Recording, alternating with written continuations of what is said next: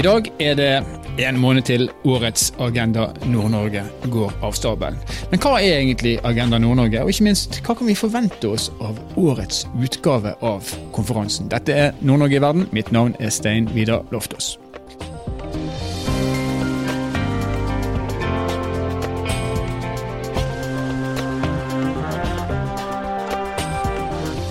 Denne episoden skal vi eh, egentlig vie til å snakke mest om Agenda Nord-Norge. Men vi skal også benytte anledningen til å trekke oss litt tilbake til den spede starten av Nord-Norge i verden, og til eh, etableringen av det som i dag er kjent som Kunnskapsbanken for Nord-Norge. Og Da har vi med oss hun som er redaktør i nettopp Kunnskapsbanken for Nord-Norge, Jeanette Gundersen. Velkommen, Jeanette. Takk skal du ha. Du, hvis vi, vi, som sagt, vi skal, vi skal snakke mest om Agenda Nord-Norge. Men Kunnskapsbanken, den så dagens lys for litt over to år siden. Ja, mars 2019. Ja, mars 2019. Og Podkasten som vi, vi, eh, holder på å lage her og nå, den er jo da en, en integrert del av Kunnskapsbanken.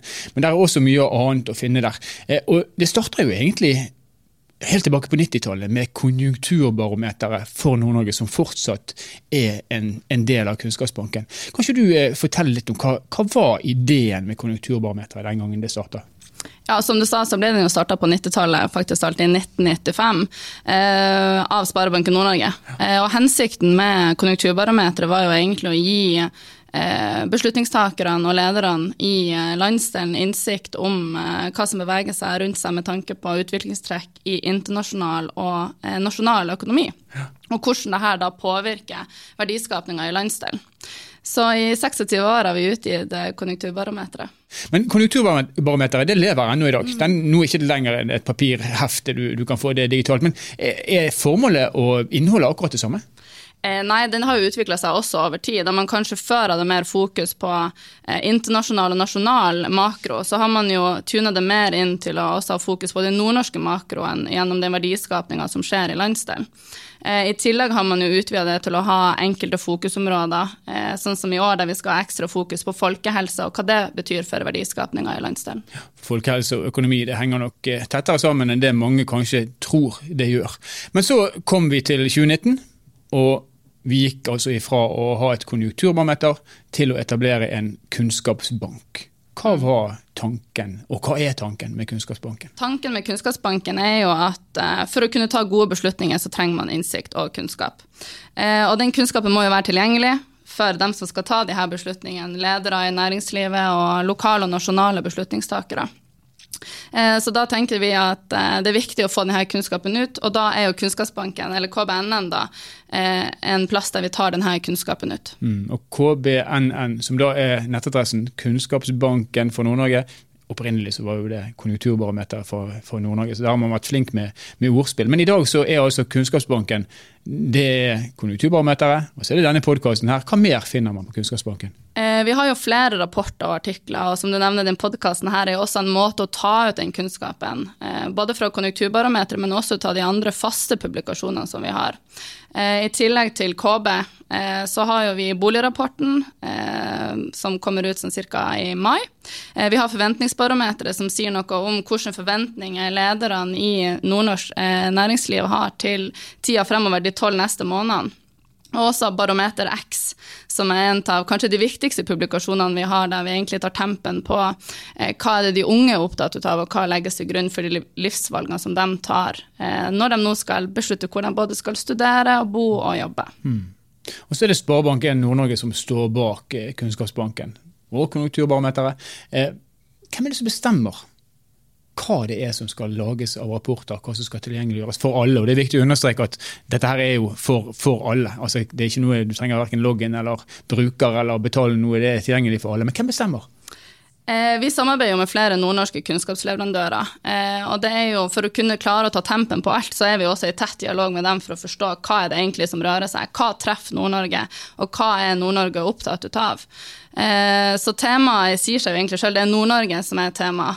Så sånn sett så er det jo hva lederne og beslutningstakerne egentlig trenger å vite mer om for å kunne ta gode beslutninger om det som rører seg. Men det er jo også en balansegang med hva er eh, viktig akkurat nå. F.eks.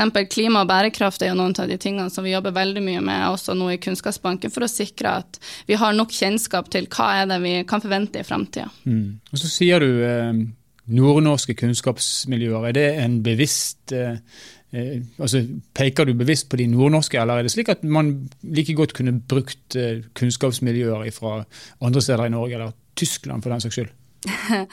Før så brukte vi jo eh, nasjonale eh, kunnskapsleverandører, men det ble jo tatt en bevisst valg i 2019 om når Kunnskapsbanken ble etablert, at vi skulle bruke nordnorske eh, leverandører. Og det handler jo om at vi tror at kunnskapen om nord forvaltes også best i nord. Mm.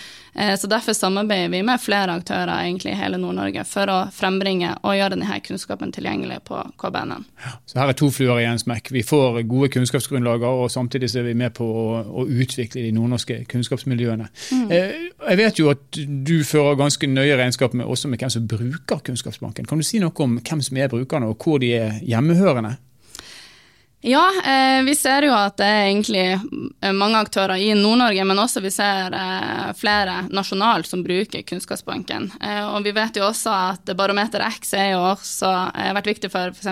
regjeringa, med tanke på perspektivmeldinga eh, og nordområdemeldinga. Og vi ser òg, i hvert fall den siste statistikken du viste meg, så mm. er Oslo en ganske stor Altså det er mange brukere fra Oslo, det er kanskje politiske nivåer og sånne ting da, som utpreger seg som brukere derifra? Eh, ja, det er jo det vi, det det vi tror. Mm. Eh, og vi tror jo også at det at vi da har kunnskapen om Nord-Norge, den er reell og uhilda, så vil man også kunne ta gode beslutninger eh, og få mer innsikt da, om landsdelen.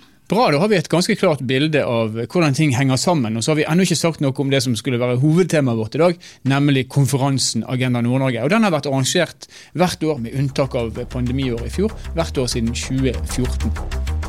Velkommen til årets Agenda Nord-Norge.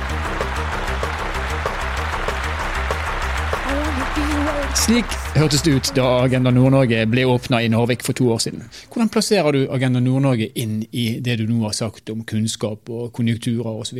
Som du sa, så ble jo eh, Agenda Nord-Norge etablert i 2014. Eh, og det er jo en, en felles eh, nordnorsk koblingsarena, egentlig, der man skal løfte problemstillinger som er viktige for landsdelen for å kunne tenke strategisk og langsiktig, og, og også bevege oss i en ny retning da, for eh, å sikre at vi fortsatt har verdiskapning i landsdelen. Um, så uh, det blir veldig spennende. Vi var veldig spent på om det kunne bli uh, konferanse i år med tanke på den uh, smittesituasjonen som vi sto i da når vi begynte å planlegge årets konferanse. For den ble jo avlyst i fjor pga. Av pandemien. Ja. Og I år så den også, går den av stabelen den 8. og 9. november, og det blir i Tromsø. Man har tidligere ambulert og vært på mange steder i Nord-Norge. Denne gangen er det Tromsø som skal være host for, eh, for, denne konferansen. Og Nå er vi på vei ut av en pandemi. Jeg vet ikke hvor mange ganger jeg har sagt akkurat det i denne podkastserien, men nå begynner vi å tro på det. Hva er temaet for Agenda Nord-Norge i år? Vi ønsker å løfte blikket litt, eh, og hovedtemaet er jo Hva nå Nord-Norge? Eh, som du sier, eh, vi er på tur ut av pandemien. Eh, og da handler det jo også om at vi må evne å identifisere hva er det vi har lært fra pandemien, hva er det vi ønsker å ta med oss videre, men også hva vi har mista. Og vi ønsker da å fokusere på hva Nord Nord-Norge innfører tre moduler. Eh, der det ene er folk, eh, den andre er infrastruktur, og den tredje er energi og teknologi. Mm. Kan du si noe om de enkeltmodulene? Hva, hva, hva man eh, fokuserer på innenfor folk, f.eks.?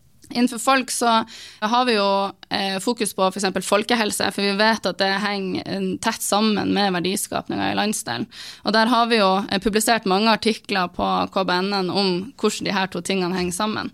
Og Der kommer f.eks. Camilla Stoltenberg til å snakke om eh, folkehelse og knytte opp mot de unge. med ta med oss noe fra pandemien, men ikke at det blir hovedfokus. for Vi ønsker jo som sagt å løfte blikket. Men allikevel så er det slik at i alle disse tre bolkene, så du sier det så vidt, eh, hva lærte vi av pandemien? Mm. Og Med fokus på, da på at det har ikke vært utelukkende katastrofe. Vi har, vi har vent oss til en del nye vaner som vi tror vi skal ta med oss videre. Og Det vil mm. også bli bora litt i det, sånn som jeg, eh, jeg, forstår, nemlig for å lære litt av hverandre. Hva, mm. hva har de forskjellige selskapene gjort, hva har de erfart, hva tar de med seg videre? Mm. Helt klart. Eh, vi vet jo også at det er mange som eh, sliter med rekruttering, det hører vi jo, så da blir det også noen praktiske eksempler. Eh, hva kan man gjøre annerledes også for å evne å rekruttere eh, flere? Eh, og så er det jo også det at pandemien har jo lært oss nye ting, f.eks. vi har fått nye arbeidsformer, man jobber kanskje mye mer digitalt enn hva man har gjort før, så hvordan kan man på en måte lære av hverandre og ta det med seg videre i i veien videre. Og Alle de eksemplene du peker på nå, de kan man også da akkumulere opp til det som vi har mange ganger påpekt som kanskje det største, den største utfordringen vi har i nord, nemlig mangelen på mennesker.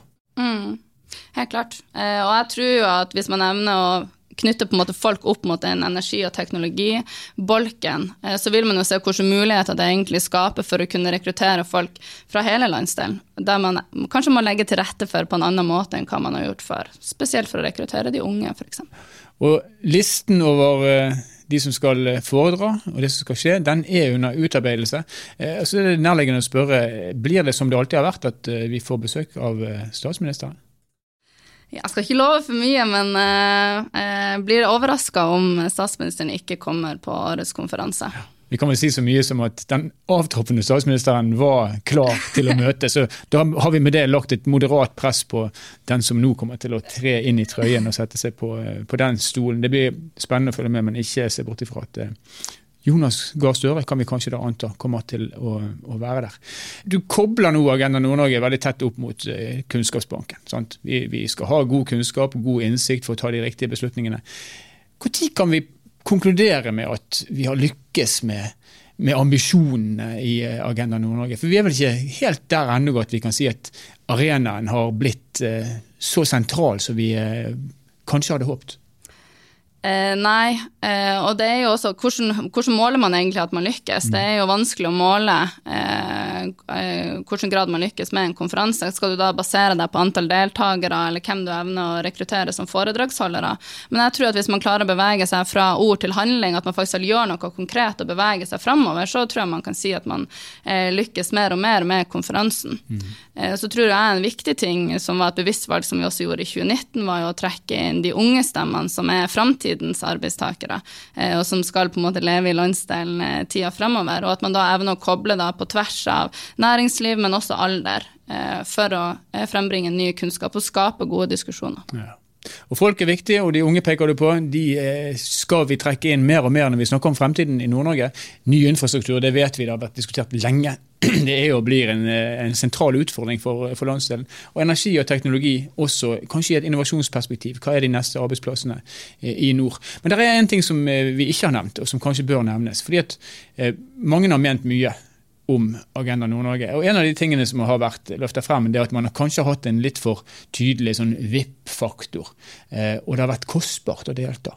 Mm. Men det har du også gjort noe med eh, forut for årets konferanse. Ja, vi mener jo at for at alle skal eh, ha god innsikt og kunnskap om, om landsdelen, men også hva som rører seg, så er det viktig at flere har muligheten til å delta. Eh, som jeg var inne på i stad, så har vi jo hatt unge stemmer eh, kobla på. Eh, det blir det i år også, der vi inviterer inn mange unge til å delta på årets konferanse. Og prisnivået? Er ikke det sånn som det har vært, uten at vi skal si for mye om det? Det er det ikke. Vi har tatt ned prisen også eh, på konferansen, for vi ønsker at flere skal ha muligheten til å delta. Også en nyoppstarta gründer skal ha muligheten til å delta og få innsikt om, om eh, landsdelen. Og de som ønsker å delta på årets Agenda Nord-Norge, hva gjør de nå, etter å ha hørt denne podkasten?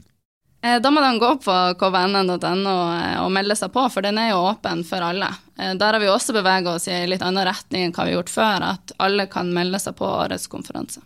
Alle kan melde seg på, og jeg har allerede sagt at uh, den går av stabelen 8. og 9. november. Det kommer til å være et middagsarrangement på kvelden som da er inkludert for, uh, for de som deltar. Og igjen kbnn.no. Der ønsker vi at uh, så mange som mulig skal gå og nyttiggjøre seg den kunnskapen som ligger der. Og det er også plassen du går dersom du ønsker å delta på årets Agenda Nord-Norge. Tusen takk for at du kunne komme, Jeanette Gundersen, redaktør på Kunnskapsbanken for Nord-Norge. Bare hyggelig. Nord-Norge i verden er en podkastserie som er produsert av Sparebank1 Nord-Norge i samarbeid med Helt Digital. Musikken du har hørt er laga av Emil Karlsen. Mitt navn er Stein Vidar Loftaas. Vi høres igjen i neste episode.